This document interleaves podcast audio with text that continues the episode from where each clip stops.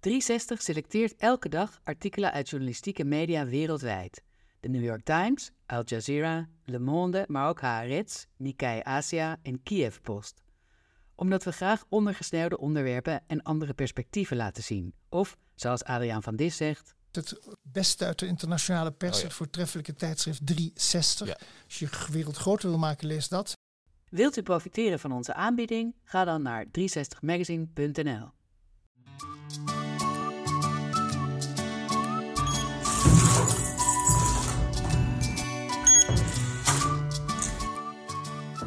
Schijnen luisteraars bezwaar te maken dat ik telkens zeg dat ik met de fiets kom. Placebo ergo sum. Ik behaag, dus ik ben. Ik ben met de tram gekomen. De tram was versierd. Het was een kersttram. Heel akelig. Geachte luisteraars, welkom terug bij Van Dis Ongefilterd met onze speciale kerstuitzending. We zitten hier in het tuinhuis waar gisteren de kerstborrel heeft plaatsgevonden van de uitgeverij. Mijn naam is Simon de Kurpkus en ik heet welkom terug in je eigen podcast, Adriaan. De kots hangt nog in de gordijnen. Zo erg was het niet, maar we zitten hier wel met een soort gezellige, gezellig sfeertje. Day after. Ik ben allergisch voor kerstmis. Ik heb het vorige keer gezegd. Velen hebben erop gereageerd. Ja. Ik zou graag een vereniging willen oprichten. Dus wacht even, dit wordt geen gezellige kerstuitzending. Jawel. Oké. Ik wil laten zien dat kerstmis het feest van de hypocrisie is. Dat moet je even uitleggen. Nou kijk, in zekere zin vieren we gewoon het winterzonnewendefeest. hè. De langste dag is nakende. Dat is altijd om en nabij 24, 25 december. Pas 300 jaar na het ontstaan van het christendom, ergens tussen Eufraat en Tigris, heeft men besloten deze man die uit een maagd geboren is, want het moet wel kuis blijven, midden in de winter te laten geboren worden. Maar ik vraag me altijd af bij deze Jezus. Zou ik mijn deur voor hem open doen? Voor de zoon van een timmerman, ja. Maar voor een halve tovenaar die lammen weer kan laten lopen, die over het water kan lopen, die een kruik water in wijn kan veranderen. Dus een kruising tussen Hans Kazan en Hans Klok. Ik weet het niet. Heeft wel heel veel tovenarij nodig om geloofwaardig te zijn. En dat is nou precies wat ik zo tegen het christendom heb. Van, je ziet dat het reclamewezen omarmt ook deze Jezus. Maar ze weten niet wie zij omarmen. Ze omarmen de radicale Jezus. hè. De Jezus die omging met hoeren en tollenaars. Wat is een tollenaar? Dat waren de belastingophalers. Die werkten voor de Romeinen. Daar werd op neergekeken. Dat waren de outcasts. Matthäus werd benoemd tot discipel door Jezus, een tollenaar. En de andere discipelen verzetten zich daartegen. Het is een mooi verhaal in de Bijbel, want ik lees de Bijbel graag en ik zal zo vertellen waarom. Over een Samaritaanse vrouw, ongeletterd, veracht door haar volksgenoten. Ze stond onderaan de maatschappelijke ladder, want zij onderhield dubieuze relaties met mannen. Ze had er al vijf versleten, ze had er weer een niet mee in de echt verbonden. En Jezus veroordeelde haar niet. Dat moet jou toch aanspreken dan? Dat sprak mij zeer aan. En dit weet ik omdat mijn moeder dit las bij ons aan tafel. Want die las graag stukjes uit de Bijbel voor met kerst. Daar kom ik zo op terug. Maar het wonderlijke is... Goed, deze vrouw was trouwens de eerste vrouwelijke prediker. Allemaal heel mooi van deze Jezus. Want hij wil daarmee de geprivilegeerde en de machtige laten zien... dat je van de outcast veel kan leren. Het wordt niet omarmd door de gelovigen. Die zitten anders in elkaar. En die reclame-industrie weet het ook niet als ze al die filmpjes laten zien. Onze grootgrutters van eh, een vader en een dochter die elkaar niet meer hebben gezien. En die dan plotseling verenigd worden door een vriendelijke jongen op een scooter. Of twee broers, waarvan de een zwerver is geworden, die samen het kerstmis vieren. En al die tafels zitten dan ook altijd ja, mensen die buiten de boot zijn gevallen. En er wordt een eenheid gevierd. Het is allemaal pers en vree en vol valse inclusie. Maar ik vind het het feest van de hypocrisie. Op alle fronten. We slachten dieren, we reten ons vol, dubbeldikke kerstnummers, vol lijstjes. De tien beste games, de tien beste Netflix-series, de tien beste podcasts. Waarom, waarom wint jij er zo over op, Adriaan? Omdat die... Ik vind het fantastisch. Eh, Eindejaarslijstjes. Wat heb ik gemist? Wat wil ik nog zien? Ja, maar ze getuigen Waar van wil ik ten nog van genieten? korte memorie. Het zijn altijd de Ja. dingen uit de laatste week. En nooit Ja. iets wat je in januari van het jaar hebt gelezen, maar altijd wat je in oktober, november hebt gelezen. Bovendien, is het ook van een geweldige opschepperij. Vooral die, die, die lijstjes van de beste boeken. Dat zijn allemaal boeken boven de kilo liefst. Er wordt over belezenheid nu eenmaal meer opgeschept dan over seksuele prestaties. Het is ook iets van, kijk mij eens, dat heb ik allemaal gelezen. Ik hou daar niet van mag vandaag toch ook wel een beetje klagen. Absoluut. Nee, maar dat hadden we natuurlijk. Dat zat al zeg maar in de, in de outro van de vorige aflevering. Dat hier een zekere clash zou kunnen gaan plaatsvinden. Ja. Want, Maar misschien mag ik iets dieper roeren. Want vaak vindt, kan je de kiem van zoiets vinden in de, in de jeugd. Ah. Hoe was bij jullie thuis vroeger kerstmis? Een ramp. Sorry. Een absolute ramp. Kan je daar toch iets over vertellen? ook al was het Kijk, er waren verschillende verhalen die altijd met kerstmis herhaald werden. Mijn vader vertelde altijd hetzelfde verhaal. Over een slaping in het kamp op Sumatra, op de Pakambaru-spoorlijn. En die had een kaars. Het was een bijzonder iets om een kaars te hebben, zeker in tijden van honger. En zijn mede barakgenoten zei, laten we dat ding smelten, laten we er een beetje van eten, want het kaarsvet, dat, dat, dat neemt de honger weg. Nee, nee, nee, die kaars moest bewaard worden. En jaar in, jaar uit was een keer gestolen. Onderzoek, bedden omgekeerd. Nou ja, bedden, uh, tampadjes, dunne, dunne, dunne, dunne matrasjes. Kaars komt weer terug. En uiteindelijk werd hij aangestoken toen de geruchten in die wintermaand van 44 steeds sterker werden. Dat de Amerikanen al bezig waren van hopping van eiland naar eiland de, de, de, de vrede was, was komende, dachten ze toen. Er moest nog een bom voorvallen, maar dat was het moment. En toen op die nacht van 25 december 1944 heeft die man de kaars aangestoken. Na de watersoep. En daarmee zongen die mannen hun honger weg en troosten ze zich met het licht in de duisternis. Dat was het verhaal wat zij dan altijd verteld kregen. En daarna engelkens door het luchtruim zweven. Nou, dan zit je al een beetje te bibberen als jongetje na zo'n oorlogsverhaal. Maar er was nog iets heel wonderlijks. Elk jaar kregen wij met kerstmis een haas toegestuurd. En die werd bezorgd door Van Gent en Loos in de grijze auto's. Dat was de pakketdienst in de vorige eeuw. Hebben dus een, een, echte haas? Een echte haas met zijn jas nog aan en een label om zijn nek. Helemaal stijf. En dat was een haas die mijn moeder, een boerendochter, kreeg als pacht voor een strookje land ergens in de polder. Ook fantastisch. Ja, het was een adellijke haas bovendien. Dat leek mij heel deftig, maar dat betekent dat hij al een beetje bestorven is en al een zeker geurtje had. Maar het grote probleem was, wie trekt de haas uit zijn jas? Mijn vader had het eens geprobeerd en het was een hele bloederige zaak geworden. Het viel niet erg goed. Ja, want je moet zowel beetje sterk zijn. Je moet sterk zijn, maar je moet ook tegen bloed kunnen. En dat, die, dat akelige blootheid van een haas, ook geen vreugde. Mijn moeder zei dan, we vragen het een arbeider. Want die zijn flinker. en zo werd mijn vader weggezet als watje. Voelde hij dat ook zo? Of ja. is dit projectie Kijk, het was nou een man die wel heel graag flink wou zijn. En ook militair was. Maar hij droeg wel een schort tijdens de kerstdagen. Want hij kookte. Mijn moeder kon niet koken. Mijn moeder kookte alles drie kwartier. Dus de man die militair wou zijn, de man die flink wou zijn, had ook een rol van huisman. Want hij werkte niet, was altijd thuis. Hij was dus ook gewoon een tuthola. Ik noem hem in dit kerstverhaal meneer Java.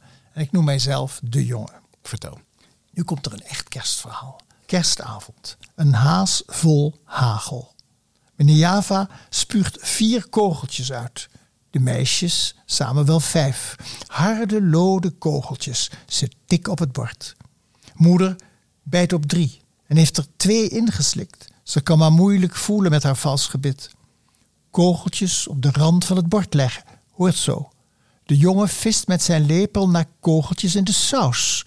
De oorlog knarst onder in de schaal. Drie heeft hij er al. Rare jager, die pachter, mompelt meneer Java om loodvergiftiging van te krijgen. Zijn mes schiet uit en rolt een kogeltje op de grond over het zeil. Hij schenkt er geen aandacht aan. Kan gebeuren, zo'n kogeltje. Klein, onbelangrijk kogeltje. Maar het hindert meneer Java. Hij kijkt onder tafel, onder zijn stoel, achter zijn rug. Brutaal kogeltje. Je zou zeggen dat het uitgeschoten is. Dood kogeltje.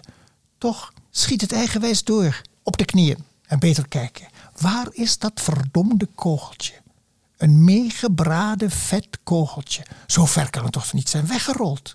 De familie trekt de benen in en geeft aanwijzingen.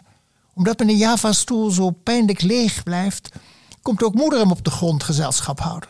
En de meisjes en de jongen allemaal op de knieën en met de platte hand de vloer aftasten. Onder het kleed misschien, achter de poot van het dressoir. Moeder stoot haar hoofd aan het tafelblad, wil opstaan, denkt de tafelpoot te pakken, maar trekt zich aan het kleed omhoog. Daar roetst de haas en de appelkompoot, de puree, de spruitjes op een damasten glijbaan de kamer in. Vorken en messen erachteraan, de borden en de kogeltjes. Meneer Java veegt de schijf opzij en laat zich niet van de wijs brengen. Hij geeft zijn zoektocht niet op. Waar is zijn kogeltje? Moeder overziet het slagveld en gaat weer door de knieën. Hier ligt erin. Nee, nee, die is net gevallen. Meneer Java wil zijn eigen kogeltje. Het zijne rolde meer naar links. Is dit hem dan? Of deze? Onmogelijk, er is hij al twee keer geweest. Hier, deze is mooi rond. Ze zijn allemaal rond. Nee, niet waar. Voel maar, deze is plat, een geketst kogeltje. Moeder, de meisjes, de jongen. Elke vondst houden ze op. Een appelpit uit de kompoot, een verdwaalde rijstkorrel, een in de plintnaad geveegde muizenpoep. Alles wat rond en hard aanvoelt. Maar niks lijkt op dat ene van het bord verstoten kerstkogeltje. Er rolt iets anders. Een traan rolt over meneer Java's wang. Ja, hij is wat snotterig de laatste tijd. Hij kruipt onder tafel, kruipt in zijn jasje. Hij krimpt. Moeder reikt hem een servet aan, maar meneer Java slaat haar troost van zich af. Hij trapt om zich heen, een vork schiet weg. Grote schijven breken tot kleine schijven. Hij grijpt naar een stuk haas, die verdomde haas. Hij smijt hem tegen de muur. De meisjes en de jongen knijpen hun ogen dicht. Ze kennen dit geluid. De schijven van de jukom, de schijven van een bord. Nieuw is het geluid van schijven gemengd met puree. Ze eten bijna nooit aardappelen. Zwaarder glijdt dat. Het behang huilt. Kaarsen uit, schijven de vuilnisbak en naar bed. Allemaal naar bed. Meneer Java ruimt de rommel op. Alleen. Wassen hoeft niet en hou de sokken maar aan. Half negen, kerstavond. Engelkens door het luchtruim zweven. En wij kinderen maar angstig beven. Arme Adriaan. Ja, Dit was nou, uit jouw boek Familie. het is uit familieziek. Ja, ja, voor je dat wil En nalezen. Toen ik dat af had, schreef ik een klein gedichtje vrij naar Jan van Nijlen. Ach, deze waanzin heb ik in mijn jeugd verfoeid. Blij dat vreemde nest te kunnen verlaten. Nu voel ik hoe al schrijvend het verlangen groeit om nog eens tot een wereld te worden toegelaten. Maar wat er natuurlijk het meest ja, in wacht even. Ja, we Ja. moeten hier nog even over doorpraten. Want dit is inderdaad dit is wel een prachtig verhaal, maar niet eh, vrolijk of, of harmonieus, verre van. Ehm, en is dat dan ook waar je aan terugdenkt als het nu straks weer kerstmis is? Nou, heel sterk eh, is het een feest waar ik niet met vreugde aan denk. Nee. Ja, en, en vooral om, vanwege de hypocrisie. Ik denk ook heel veel mensen die daar het familie samen zijn vieren, dat knarsetanden doen. Ja. Een soort dat- van verplicht nummer. En dat het verplichte nummers zijn. En, en, en dat en zeker vandaag de dag er heel veel niet besproken kan worden. Dus ja, ik, eh, waarom moet je het eigenlijk vieren? Ja, ja. Vier het niet. Het is ook niet verplicht, hè? Het is niet verplicht, Nee, maar het maar is, het is heel lastig heel om je moeilijk. te onttrekken. Want Het als je de radio wel- aandoet, hoor je het geen jengel Ja. om je heen. Als je de tram neemt, zit je in een led-verlichte kersttram. Ja. En Er dan zijn ligt er ook- ook nog allerlei vetmakende rommel in de winkel. Er zijn ook mensen die het wel heel leuk vinden. Oh, en ik wel, heb jij ook bijvoorbeeld toen jij later zeg maar, uit huis ging en, groot werd en, en je eigen leven Groot had? werd, het, dat is me nooit gelukt. Helaas niet gelukt, maar in ieder geval je groeide. Ja, je toen zelfstandig.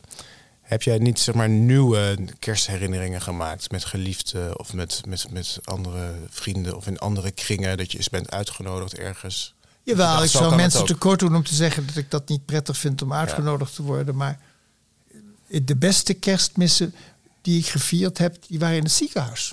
Och, Ik heb wel vier keer met kerst in het ziekenhuis gelegen. En dan vond ik die zingende verpleegsters in de gang heel erg leuk. En eh, daar luisterde ik ook naar, graag naar. En ik herinner me ook een kerstavond. Toen had ik wat flink eh, gedronken. En toen fietste ik naar huis. Toen bleef ik op mijn fiets kleven in de tramrails. En toen uiteindelijk zat ik bij de eerste hulp van het destijds nog binnengasthuis. Ik was nog student.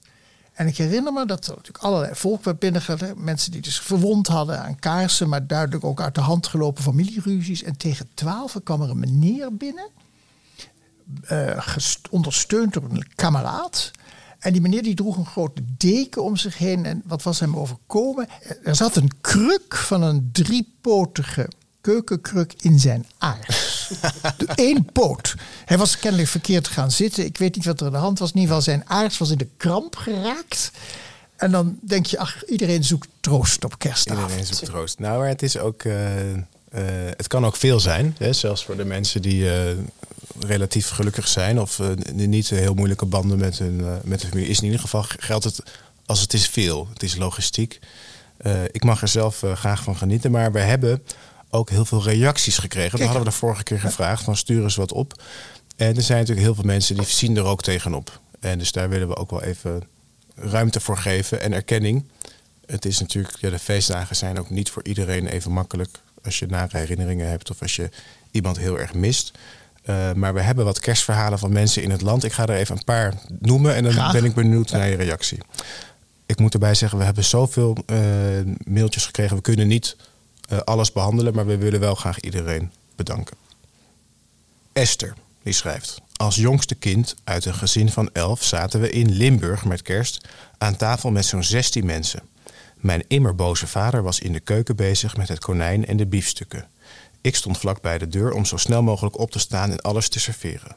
Al die spanning, verwachting, weinig hoop. Kon het dan nu een keer gezellig worden? Nee, dat lukte nooit. Enkele jaren geleden heb ik familie afgezworen. Wat een rust. En met mijn eigen gezin en wat vrienden die ook geen familiecontact meer hebben, vieren we nu samen kerst en we spelen bingo. Nee, heel mooi. Gelijk heeft ze. Family, they fuck you up. Het laat altijd een, een spoor na. Eh, Marie-José, die sluit zich hierbij aan. Wat mij betreft mogen deze dagen geschrapt worden. Er wordt van alle kanten een soort gelukzaligheid, warmte, saamhorigheid opgedrongen. Maar ik ben alleen en dat voel ik die dagen extra sterk. Vrienden uitnodigen? Nee.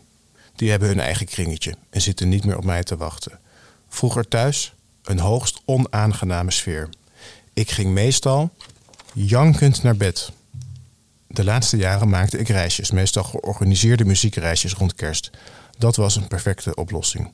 Helaas, vorig jaar heb ik een beenamputatie moeten ondergaan. En dit soort reizen is nu geen optie meer. Overigens mag iedereen plezier beleven aan kerst als ik maar even niet hoef. Nee, Wat moeten we hierop zeggen? ja, ik zou er ook geen been in zien als ik dat had. Maar in ernst, mevrouw, ik wens u heel veel sterkte en kracht. Al dit soort reacties roepen wij op het gedicht. Ik zei het net al, Family They Fuck You Up. Be the Verse van Philip Larkin. They fuck you up, your mom and dad. They may not mean to, but they do. They fill you with the faults they had and add some extra just for you. Ze bezadelen je op met de fouten die zij hadden en ze doen er nog wat extra's bij ook. But they were fucked up in their turn by fools in old style hats and coats who half the time were soppy stern and half at another's throats. Ze zijn ook opgefokt door idioten in oude hoeden en rare jassen. Die zelf ook eh, ja, slappe happen idioot waren. En elkaar naar de, naar, de, naar, naar de keel grepen. Man hands on misery to man. It deepens like a coastal shelf. Get out as early as you can and don't have any kids yourself. Ook een vrolijk kerstgedicht. prachtig, prachtig. En jij hebt je aan dit advies heb jij je gehouden. Reken maar. Ja. Daar leidt een kindeke in de kou. Ja. ja, tegenwoordig gaan we daarvoor in, eh, in therapie. Hè? Heb je Ja, familieopstellingen, dan kun je dat eh, break the cycle. Onvermijdelijk doe je iets fout. Ik heb zelf wel kinderen, dus je, je gaat denkt daar wel eens over na. Van wat, wat plant, plant ik nou hier voor het traumaatje, groot of klein? Zonder dat ik het wil.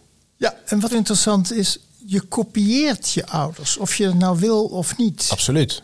Hun denken, hun DNA en ook hun krankzinnigheid. En daar heb ik ook een gedicht over. Want ik dacht, mijn vader die de tafel dekte met een liniaal en wat doe ik? Ik kan niet tegen scheve schilderijen, dus ik heb een klein waterpasje. En nou minstens drie keer in, vier keer in de week met een waterpasje mijn schilderijen recht. En dat gedrag, dat kopiëren van het gedrag, dat vond ik in een heel mooi gedicht van Menno Wigman. Ik ken de droefenis van copyrettes, van holle mannen met vergeelde kranten, bebrilde moeders met verhuisberichten. De geur van briefpapieren, bankafschriften, belastingformulieren, huurcontracten. Die inkt van niks, die zegt dat we bestaan. En ik zag Phoenixwijken, bril en doods, waar mensen roemloos mensen willen lijken. De straat haast vlekkeloos een straat nabootst. Wie kopiëren ze? Wie kopieer ik zelf? Vader, moeder, wereld, DNA? Daar sta je met je stralend eigen naam. Je hoofd vol snugger afgekeken hoop op rust, promotie, kroost en bankbiljetten. En ik, die keffend in mijn kanto's woon, had ik maar iets nieuws, iets nieuws te zeggen. Licht, hemel, liefde, ziekte, dood. Ik ken de droevenis van copyrettes. Menno Wigman. Ja, en toch is kerstmis ook, zeg maar, we vieren dus de geboorte van een kindje. Elk kindje, hè, Hannah Arendt die zegt ook, met elke geboorte is ook weer een nieuwe mogelijkheid. Dat is heel mooi. Maar waarom? Licht, licht in de duisternis. Want we gaan toch naar binnen keren door die zonnewende die eraan komt. Ja, maar waarom moeten we daar allerlei beesten voor slachten? Dat is weer een ander verhaal. Luisteraar Loes wees mij op een prachtig gedicht van de Brits-Jamaicaanse spoken word artist Benjamin Zephania. En die zegt: Be nice to your turkeys this Christmas, because turkeys just want to have fun. Turkeys are cool, turkeys are wicked, and every turkey has a mum. Be nice to your turkey this Christmas. Don't eat it, keep it alive. It could be your mate and not on your plate. Say, yo, turkey, I'm on your side. I got lots of friends who are turkeys, and all of them dream from Christmas time. They want to enjoy it. They say humans destroy it. Turkeys just want to play reggae. Turkeys just want to hip hop. En zo door. Dus Benjamin Zephania. Dank Loes, Brits-Jamaicaanse spoken word artist. Denk aan uw kalkoen. Ik hou ook niet heel erg van kalkoen. Het is heel droog Ja, ja. en zielig. Eh, we gaan er even wel, want we hebben ook wat vragen gekregen. En deze ben ik wel heel benieuwd naar. Lieve Adriaan, komende dagen zit ik met mijn oom aan de kerstdis. Hij stemt PVV en is daar ook nogal uitgesproken over. Ik vind het moeilijk daar tegen in te gaan, maar ik heb ook geen zin om helemaal mijn mond te houden. Heb je advies, Miranda? Oh, arme Miranda. Ik heb geen advies. Want het is een beetje als die tante die wij hadden, tante Aagje. Met die enorme neus waar je niet over mocht praten. En dan bij de koffie, tante, wilt u suiker in uw neus? je wil het vermijden en het komt telkens terug. Maar er is wel een methode, denk ik, om mensen met akelige opvattingen uit hun tent te lokken. Dat is de ruimte te geven. Waarom vind je het zo aantrekkelijk? En dan Ja. niks te zeggen. Dan heeft hij het gevoel dat hij een enorm goed gesprek hebt gevoerd. Want je hebt nou geluisterd. Maar ja, eventjes, want jij zegt altijd van je moet je wereld groter Dat maken je en verdiep je in een ander. Kan jij je je ook. ook empathisch verbinden met iemand die, die PVV stemt? Oh ja, ik kan me er wel empathisch mee verbinden. Omdat het vaak blijkt dat iemand die keuze heeft gemaakt... omdat hij niet geheel op de hoogte is. En- is wel een heel klein beetje neerbuigend, toch? Dat klinkt heel hoogwaardig. Dus probeer je op een aardige manier soms wat informatie te geven. Ja. En iets uit te leggen. En met wat feiten te komen. Maar ik, ik vind, ben wel voor dat gesprek. En er zitten natuurlijk allerlei sociale kanten in. En ik, ik las een hele mooie column van Peter Middendorp. Over Emmen, waar die vandaan komt. En dat heeft geloof ik iets van meer dan 30% van de Emmenaren hebben gestemd op de PVV. En dat beschrijft hij heel humaan en menselijk. Een vergeten dorp. eh, en een van die mensen aan het eind zegt: Ja, ik wou nou ook wel eens een keer stemmen op een partij die wint. En ja, daar heb ik dan eigenlijk geen antwoord op. Dus je kunt eh, luisteren. eh, en je maakt er inderdaad je wereld mee groter. Maar de- er zijn natuurlijk ook grenzen. Ik wil niet dingen goed praten. Ik wil niet het ermee eens zijn. Ik blijf Nee, mij we- verzetten. Maar wat even meer, eh, dus wat is de tip voor Miranda? Want ik bedoel, er is ook wel een soort oud advies van eh, we praten niet over religie of politiek Ja. tijdens het eten. Eh, nou, in ieder geval mijn advies is... het maak- blijft toch je oom, het is familie. Je Ja, moet je er toch mee verbinden op een bepaalde manier. Ja, dat is dus de grootste vraag. Ik zou zeggen, volgend jaar boek een reisje naar een andere plaats en sla het eens een keertje over. Ja. Dat is mijn eerste advies. En verder vraag nou even waarom, wat er nou zo mooi is en zo positief is. En, probeer, en spreek daar niet tegen en zeg, nou, ik ga daar heel goed over nadenken. Ja. En dan neem je een grote hap kalkoen. Ja.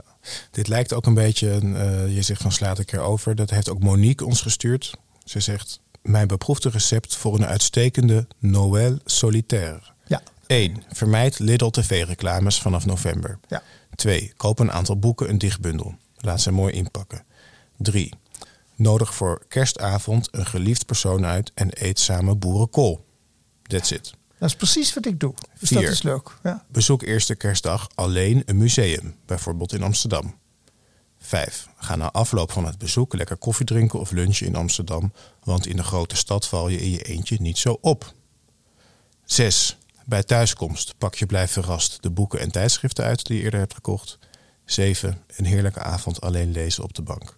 ja, I wish it could be Christmas every day.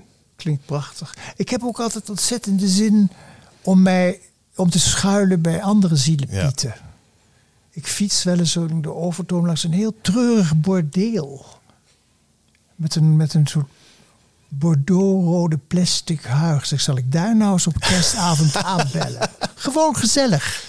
Met een taartje mee. Zeg, nee, je hoeft niks te doen. Gewoon gezellig praten. Dat lijkt me zo leuk. Zo'n paar van die oude dames die nog wat handwerk verrichten op kerstavond.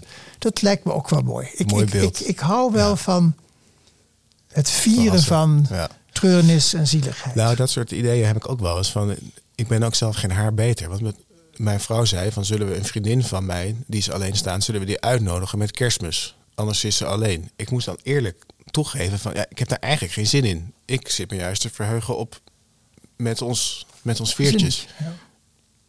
Vind je dat ik dat toch moet doen? Nee, Nee? absoluut niet zeg. Kijk, zou die meneer of die mevrouw zich thuis voelen als die plotseling wordt opgenomen in die little gezelligheid? Ik Ja. weet het niet. Wij hebben dat eens een keertje gedaan. Ik moet het een beetje anonimiseren, maar wij liepen over een boerenpad en daar woont een boer helemaal alleen. En die zat in zijn kamer, tafel tegen de muur, neonlamp daarboven. En toen hebben we aangebeld. Hij zegt, kom kerst met ons vieren. En dat wou hij niet.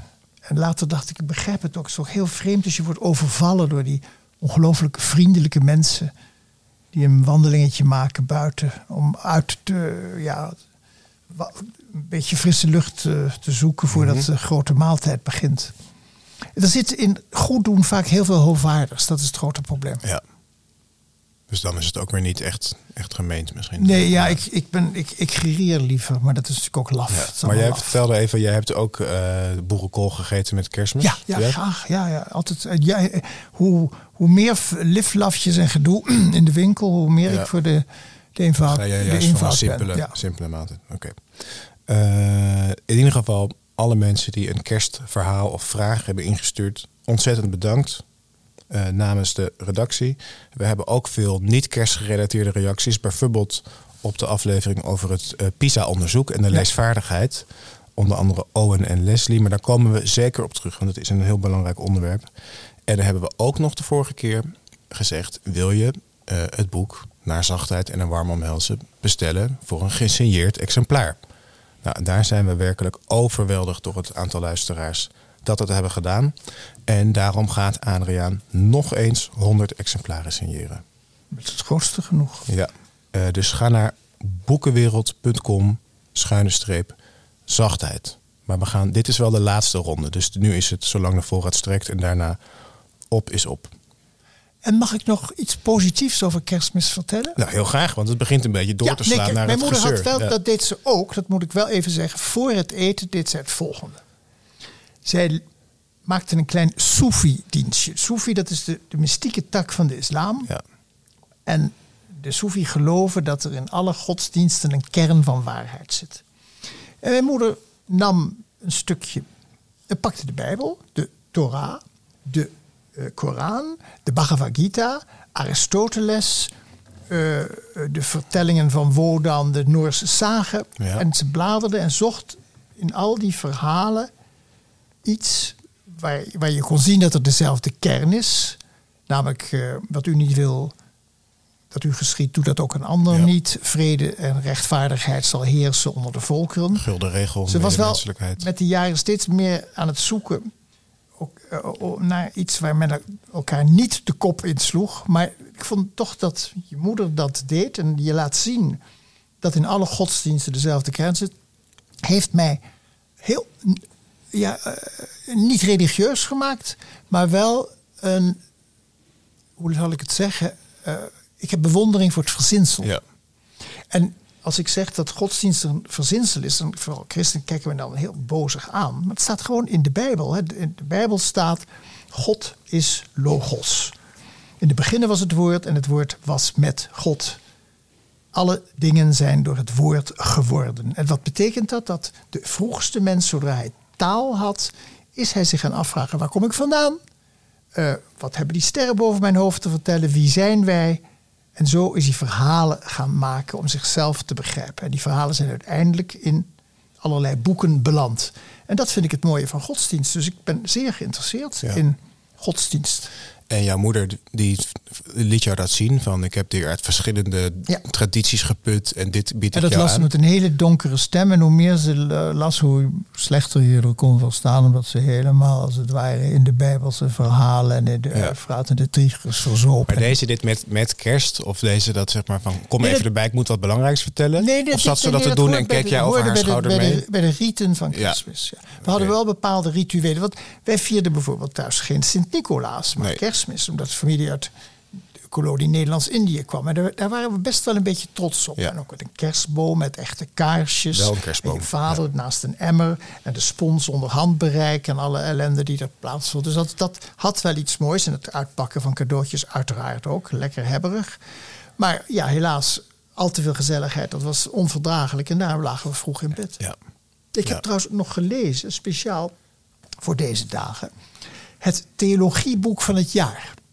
Levenslessen van een rabbijn. En dat vond ik een prachtig boek. Het heeft mij zeer geraakt. En welke rabbijn is dat? Rabbijn Abraham Soetendorp. En ik En zal. waar, waar, waar is die van? Is dat die dat van is- de liberale Dat is van de Joodse liberale gemeente? Joodse gemeente in, in Den Haag, in Schravenhagen. Het is een, een, een ja, niet door hem zelf g- zozeer geschreven. Het bestaat uit gesprekken die hij heeft gevoerd met Annemarie Leclerc.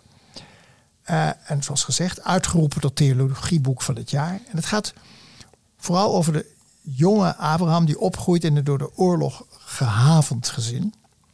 En dit jongetje wil goed doen. Hij wil zijn ouders steunen en troosten. Maar dat wordt thuis niet altijd goed begrepen.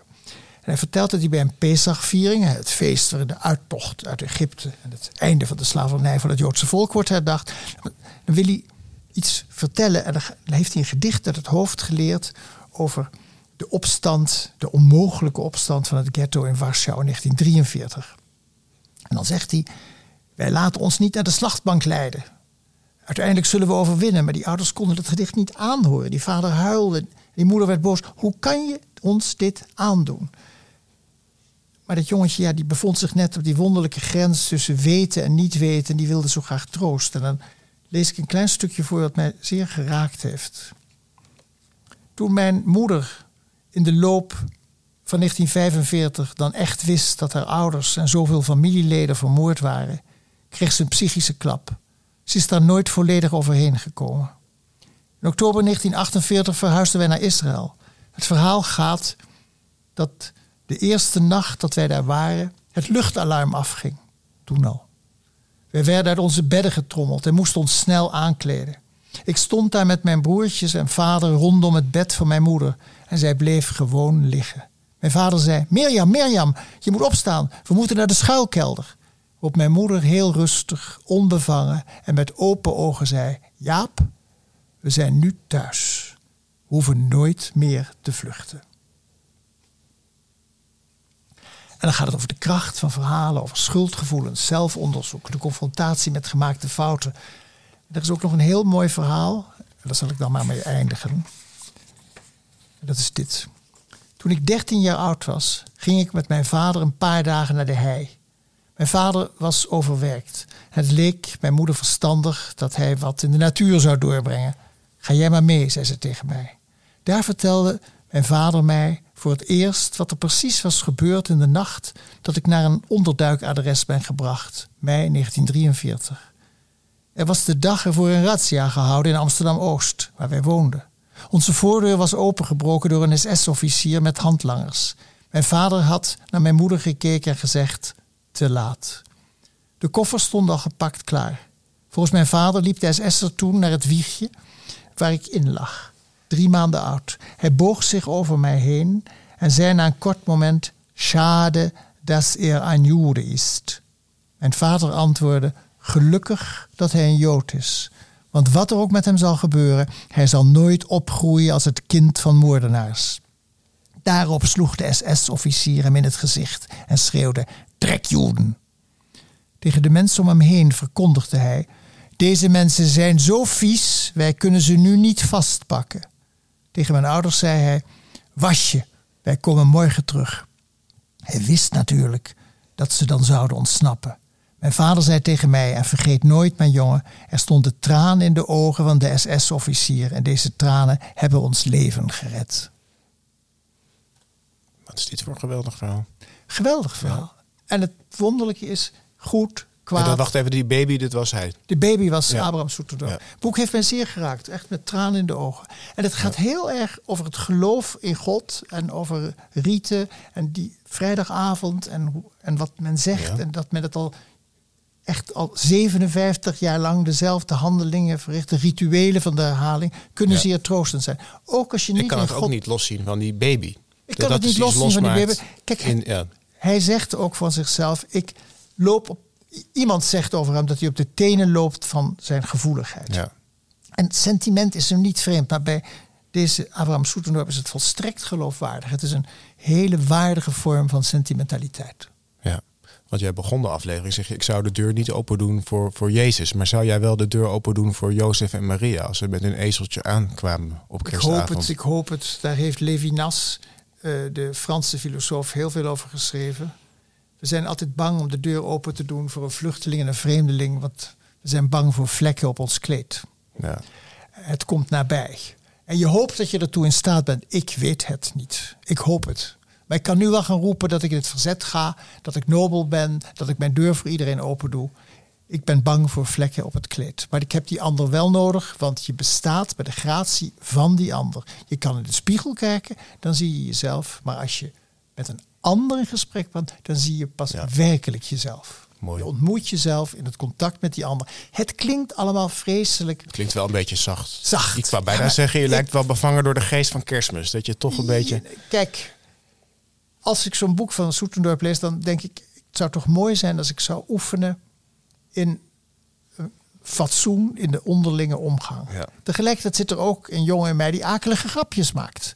Die ironie nodig heeft om te vechten tegen zijn eigen zoetsappigheid. Dat is, dat is, dat is, dat is mijn strijd. Ik geef om mensen, maar ik, er zit in mij ook een, een stoute grappenmaker en die Ja. heb ik ook nodig. Ja, en ook een, je geeft op mensen en je bent ook een mensenhater. Nou ja, en ik kan ook een hekel aan mezelf hebben, ja. Ja. Ja. Wat ga jij deze kerstmis doen? Boerenkool eten. In je eentje? Nee, ik ga ook naar de familie van Ellen. En daar verheug ik me zeer op. Dat kan ik me heel goed voorstellen. Mag ik jou danken, Adriaan? Dank, Simon. En geniet van je gezin, van je kinderen. En praat lekker met ze.